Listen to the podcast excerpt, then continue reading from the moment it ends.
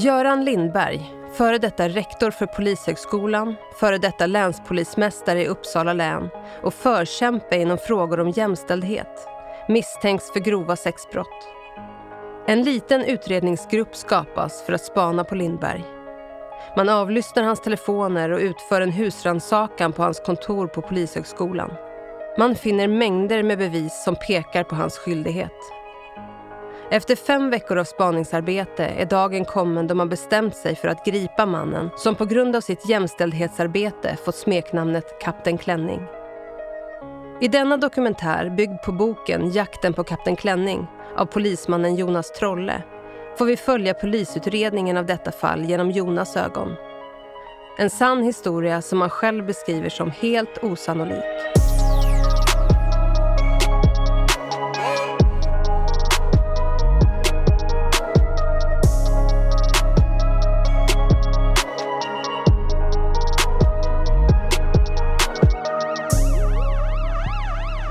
Det är januari 2010. Göran Lindberg har planerat för en träff med en 14-årig flicka i Falun. Polisen räknar med att Lindberg planerar att möta upp henne efter hon anlänt med buss eller tåg och sen ta med henne i sin bil och köra mot ett hotell. Planen är att så fort Göran tagit med flickan in i rummet och börjat berätta vad han vill göra med henne så ska polisen komma in och arrestera honom. Man vet att Lindberg har mycket att förlora vilket gör situationen mycket känslig. Man vill absolut undvika ett gisslantagande eller att Lindberg ska skada flickan. Det visar sig dock att Lindberg inte kommer att få träffa henne. Henne hade vi såklart koll på. Men när han väl kommer upp där och liksom rekar hotell och alla de här grejerna, då backar hon ur. Och då, då kände åklagaren, det var ett väldigt klokt beslut, att nu nu har vi tillräckligt. Han har ju liksom manifesterat sin vilja till det här genom att åka upp. Vi har det på telefonavlyssning, vi har deras kontakter. Alla de här grejerna. Eh, och sen har vi det som har hänt innan och sen har vi den där berättelsen som är ett år gammal med den här andra unga flickan. Och då, då, då menade åklagaren på att nu, nu kör vi. Och det var bra. Det var bra på massa sätt. Telefonavlyssningar visar att Lindberg har ringt 14-åringen när han anlänt till Falun. Hon verkar skärrad och rädd. Lindberg är upprörd och irriterad över att hon inte vill träffa honom. Efteråt börjar han försöka få kontakt med andra flickor i Örebro och Göteborg. Han tar sig till en närbelägen bensinmack. När han kommer ut närmar sig två poliser med raska steg. Jonas ser på. Allt som kvarstår att se nu är hur själva gripandet kommer att gå till. Jättelugnt. Två poliser som bara går fram och och nyper på bensinmack. Så det är ju inget dramatiskt överhuvudtaget. Gripandet. Tobbe och Johan går med raska steg över planen mellan pumparna under skärmtaket. De är klädda i arbetsbyxor med benskydd och benfickor. Tobbe har en grå jacka och grå mössa. Johan en grön jacka och blågrå mössa. De går upp runt Lindberg på varsin sida. De tar tag i hans båda armar, säger att de kommer från polisen och att han är gripen. Johan och Tobbe leder Lindberg till deras SUV. De skyddsvisiterar honom snabbt och sätter honom till höger i bilens baksäte. Nycklar och andra tillhörigheter överlämnar de till Klintan och de andra som nu klivit ur sina respektive bilar. Inne i bilen frågar Lindberg vilken enhet poliserna kommer ifrån han får svaret att de är från piketen i Stockholm och nöjer sig med det. Bilen kör mot polishuset i Falun. Inget mer sägs på resan. Lindberg sitter i samma baksäte som jag suttit i för mindre än 20 minuter sedan. Han är ganska lugn. Och det som också var väldigt märkligt det var ju liksom att sen skulle han ju blodprovtas då för att vi var väl lite så här, går han på amfetamin eller vad är det liksom som gör att han har den här, det här drivet? Liksom? Och då berättade en kollega, då, en kollega Lasse, där, att fasen, vet, han somnade ju när han satt och väntade på att få göra den där provtagningen. Man tänker själv om man var gripen och delgiven misstanke om sån allvarlig brottslighet, har suttit liksom i arresten och sen ta sig iväg till någon medicinsk undersökning. Så det, somna är väl kanske inte det första man skulle göra, men det gjorde han. Den före detta länspolismästaren i Uppsala län, Göran Lindberg, häktades idag misstänkt för flera grova sexbrott. Han greps i Falun i måndags och har suttit anhållen i Kronobergshäktet i Stockholm sedan igår. Han är på sannolika skäl misstänkt för våldtäkt på en kvinna i Bandhagen i Stockholm i januari förra året och dessutom misstänks han för förberedelse till grov våldtäkt på barn i tre fall. Som polischef i Uppsala län fick Göran Lindberg bära öknamnet Kapten Klänning för att han så ihärdigt försökte förbättra jämställdheten inom polisen. Christer Nordström säger att fallet med Göran Lindbergs misstänkta brott är den största skandalen i Polismyndighetens historia. Vad gäller polisen i Uppsala län så råder här en stor ilska, vrede, men också en sorg över att något sånt här kan inträffa som får såna här otroliga effekter och eh, de här uppfattningarna vill jag påstå den delas av hela den svenska poliskåren. Han nekar till brotten. Men han är väldigt lik han är väldigt lik andra förövare av den här kalibern, liksom, eller människor i den här typen av brott. Att, att man erkänner ingenting som... Man, man medger ingenting och berättar inte om någonting förrän man liksom blir belagd med, med uppgifterna. Man håller sig liksom framgent sådär. Och sen när man till slut blir överbevisad och inte, ja, det går inte att komma ur. Då kommer man in i nästa fas och då, nästa fas är då att då handlar det om att berätta en, en annan berättelse eller sin egen vinkel. Alltså man kan medge i sak att jo, men det här har hänt men, men det här är min bild. Och den bilden den skiljer sig ju då från, från målsägandens bild. Va? För, att, för att från början så hade han väl inte gjort någonting. Och sen när det kröp fram att det hade han nog visst gjort. Så då, då, var, det ju liksom, då var det ju möten mellan en, en, en belevad äldre man. Han var ju vid tillfället 64 år och tjejer som var lite nyfikna och tyckte att, att det här var väl liksom en bra grej. Liksom, så, att träffa honom. Det fanns en ömsesidighet. Och det är en väldigt... Och jag tänker så här att väldigt många av den här typen av personer, för det de gör sig skyldiga till är ju då om man, om man tittar... Det, det, det, är skam, det är skambelagda gärningar, det är skambrott. Och den här skulden då, så här att, att det är, så, det är så skamfyllt att ta på sig det här. Va? Så att man, man vill hitta en annan förklaringsmodell. Man vill säga att man, de har varit med på det här eller, eller så. Och, och så hela tiden, ju, ju, mer du går in i att det här, det här är, men det här och det här och det här har ju hänt. Och hon grät ju och hon, alltså så här, ja men det här var ju en del av ett spel. Eller det här var en, det här var vi överens om och det var lite lattjo och det var lite spännande och hon ville pröva det här och jag, eh, jag följde med i det här. Jag, så. Och det där är, det där är, det är väldigt klassiskt för den här typen av personer.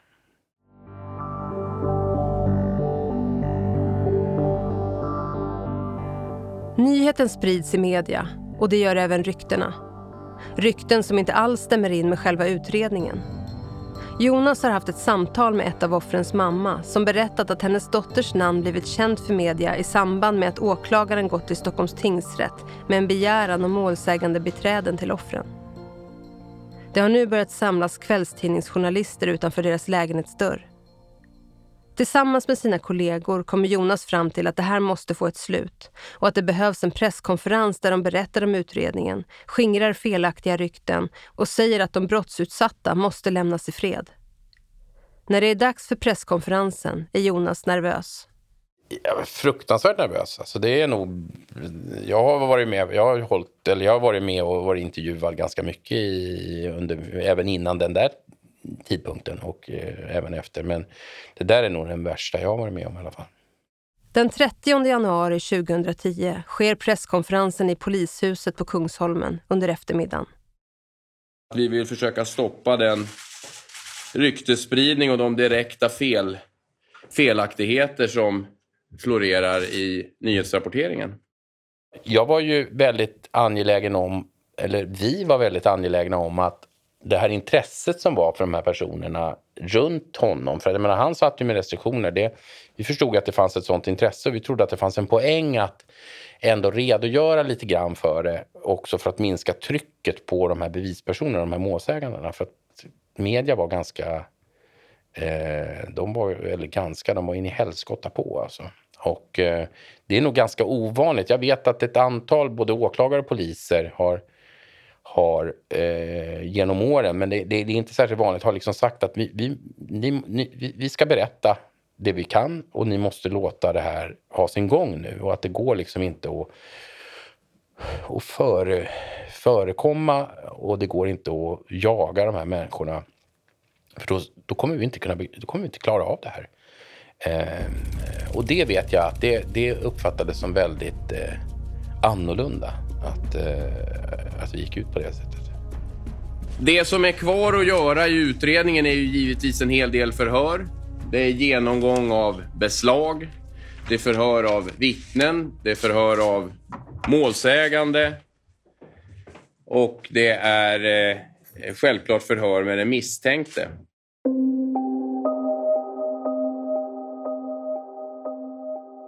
Jonas blir även tvungen att skingra rykten som spridits om att Lindberg varit en del av ett stort nätverk för sexuella förbindelser där personer med hög social status ska finnas med. Och det, det, det fanns ju ingenting i utredningen då som tydde på det. Och det finns ingenting i dagsläget heller som tyder på det. Eh, sen, kan man ju, sen var det ju klart att de var flera män, men de, det var ett löst sammansatt nätverk där man också Eh, var personer som inte kände varandra vid sina riktiga namn. Man använde kontantkortstelefoner och oregistrerade kontantkortstelefoner och så vidare. Och man hade inte någon... Liksom, det var inte andra så att säga högprofilerade namn, personer som folk kände igen vid namn i det här. Och det var väldigt viktigt att säga det. Va? För att, för att det, det blev ju så otroligt uppiskat. Och, och eh, det här ärendet är ju ett ärende där liksom verkligheten överträffade dikten. Men, men det, var inte, det var inte så mycket mer än, än det. Alltså det som har visats, det är det som har visats. Och, och det, kan jag, det känner jag mig trygg med att säga än idag. Och, och jag och mina kollegor som jobbade med det här ärendet, vi vet ju faktiskt det här bäst. Idag blev det känt att förra länspolismästaren Göran Lindberg nu även misstänks inte bara för att ha köpt sex utan även för att ha förmedlat sexuella kontakter under tre års tid. Göran Lindberg köpte sex även under tiden han var länspolismästare i Uppsala län. Det hävdar två kvinnor som polisen letat upp och förhört. Idag åtalas Göran Lindberg på minst 20-talet punkter. Skulle han dömas för allt riskerar han fängelse i mellan sex och åtta år. Sexköpen är de enda brotten han erkänt. Resten av anklagelserna nekar han till. Lindberg sitter häktad i ett halvår innan rättegångarna inleds vid Södertörns tingsrätt. Ditt personnummer? 460425 0193. Och nu påstår jag att Lindberg har natten till den 31 januari 2007 genom misshandel och genom annat våld tvingat målsägande C, då 17 år gammal, till flera samlag och till sexuella handlingar som är jämförliga med samlag. Gärningen är att bedöma som grov med hänsyn till målsägande Cs ålder, det utdragna händelseförloppet och till att målsäganden utsatts för sadistiskt sexuellt våld, vilket medfört fysiska skador. Omständigheterna är sådana att Lindberg måste anses ha visat särskild hänsynslöshet och råhet. Och Lindbergs inställning? Eh, Göran Lindberg förnekar brott. Åtalspunkten 10. Jag yrkar ansvar för koppleri. Främjandet har bestått i att Lindberg föreslagit att målsägande G och målsägande H skulle delta i sexuella kontakter med fyra män samtidigt mot en ersättning om 10 000 kronor vardera. Och eh, Lindbergs inställning? Göran Lindberg förnekar brott. Då var det åtalspunkten 17. Jag yrkar ansvar för köp av sexuell tjänst. Lindberg har under tiden januari 2009 till hösten 2009 i Stockholm, Uppsala och Falun vid tio olika tillfällen skaffat sig en tillfällig sexuell förbindelse mot ersättning av målsägande I. Göran Lindberg erkänner nio tillfällen. Däremot förnekar han det här påstådda tillfället i Falun. Försvarsadvokaten Karl Harling yrkade på att Göran Lindberg ska försättas på fri fot. Han yrkar på att Lindberg ska frias på alla punkter utom de sex brott som han ju är erkänt. I eftermiddag vid 15-tiden öppnas dörrarna till rättssalen för allmänheten. Då får vi veta vilket straff åklagaren vill att Lindberg ska få. Så jag menar alltså att en riktig påföljd det är, om ingen, inga ändringar görs i ansvarsdelen, det är fortfarande fängelse åtta år. Åtta år är ett rimligt straff, men jag är inte främmande för att det borde dömas till ett strängare straff, upp till tio års fängelse. Han fick eh, sex och ett halvt år i, i, i tingsrätten och sen fick han sex år i hovrätten.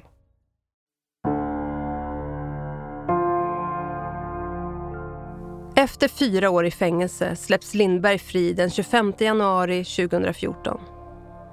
Detta på grund av att han inte misskött sig under sin fängelsetid och behöver därför i enlighet med svensk lag bara avtjäna två tredjedelar av sitt straff.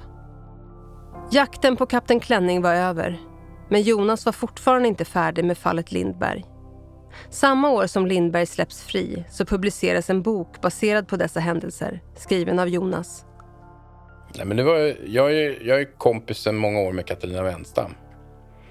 Och när åtalet då var väckt och förundersökningen blev offentlig så hade vi en sittning hon och jag.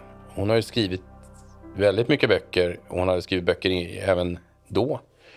Just på temat det här med, kring olika eh, för samhället viktiga rättsfrågor i dramatiserad form.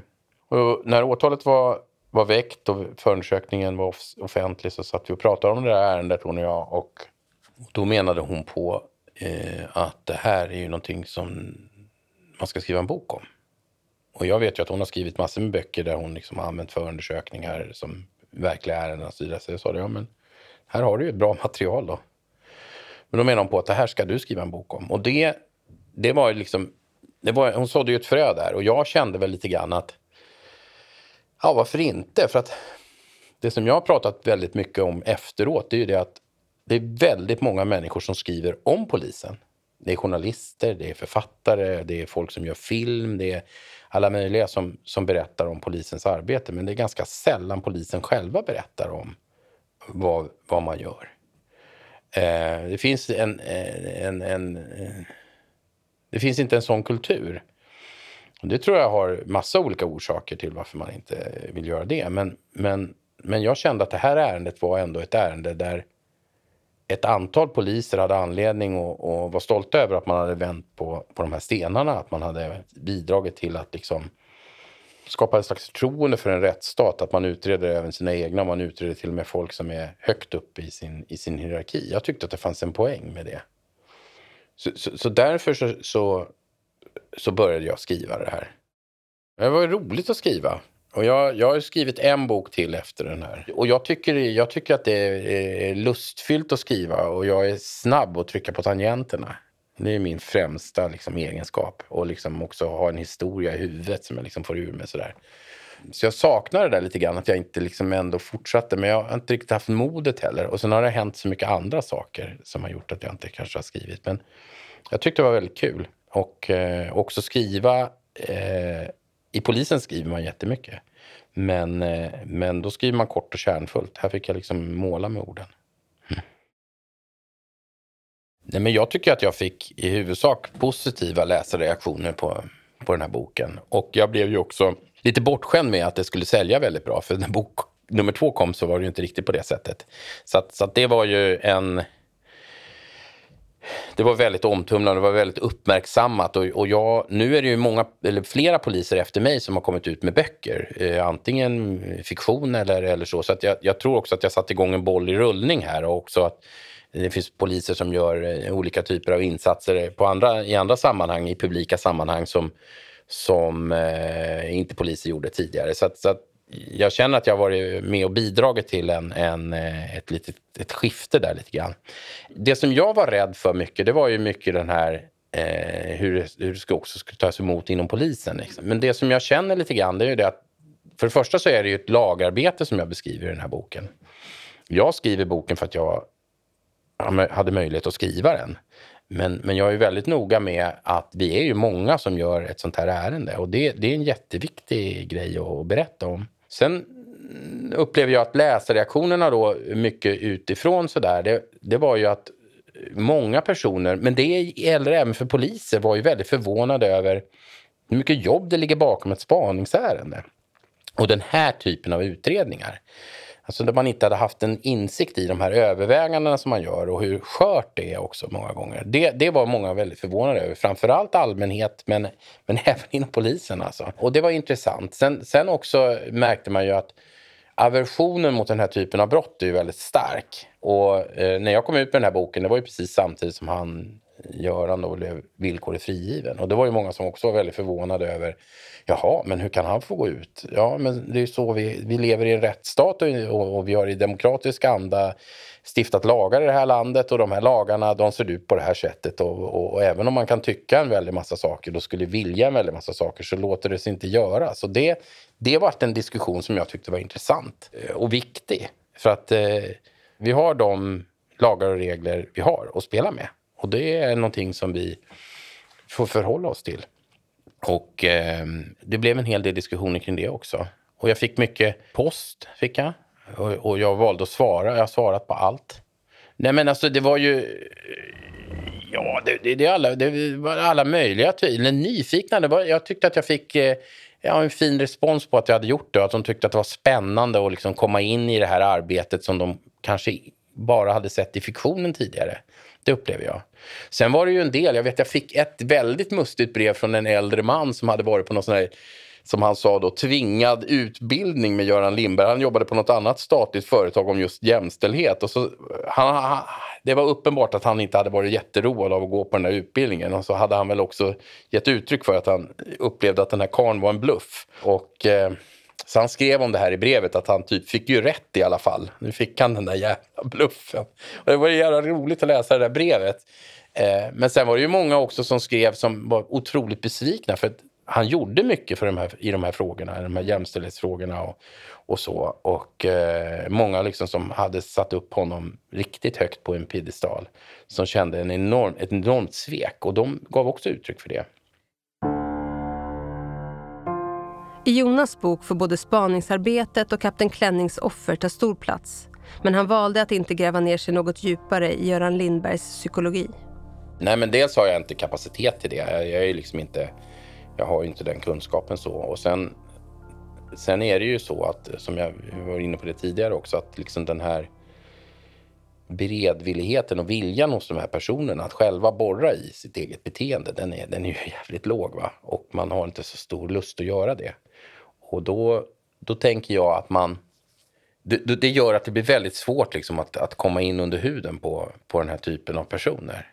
Eh, det går liksom inte att säga att Jaha, men det här var den utlösande faktorn eller här får vi förståelsen för varför det ligger till på det här viset. Det, det, så att det där är, det är väldigt vanskligt och, och svårt. Eh, och, och liksom forska i det.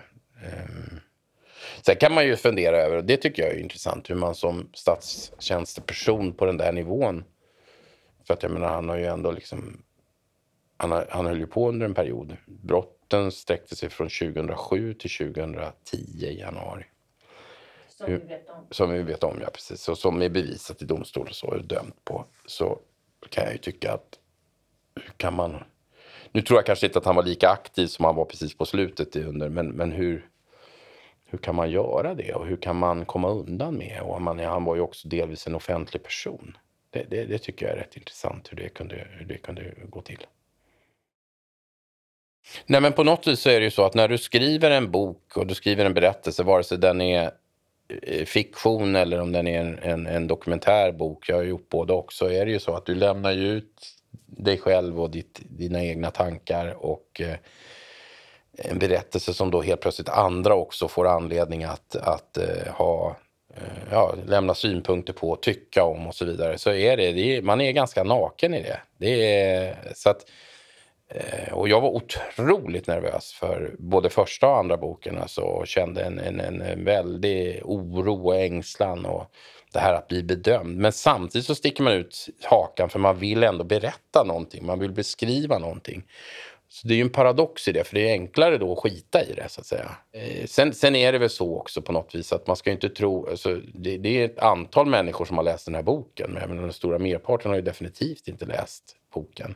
Och det är ett antal människor som är intresserade för de här frågorna. Och, och det kommer nya frågor varje dag. Alltså det är ju de nyheter som vi har idag, det slår man in fisken med imorgon eh, på fiskaffären. Och det, det är ju verkligen så. så, att, så att, och, och saker och ting faller i glömska. Och så. Men just det här ärendet, det är, väl, det är väl ett av de här ärendena som kanske inte kommer falla i glömska i första taget. Vi sitter ju här nu över tio år efter. Det här var sista delen av Jakten på Kapten Klänning. En dokumentärserie i tre delar baserad på Jonas Trolles bok med samma namn. Producerad av Johan Brännberg och Stray Dog Studios. Medverkande Jonas Trolle. Nyhetsinslagen kom från Sveriges Radio P4 Stockholm den 30 januari 2010 och från Sveriges Radio P4 Uppland den 28 januari, 29 januari, 23 juni, 29 juni, 20 juli och 3 november 2010.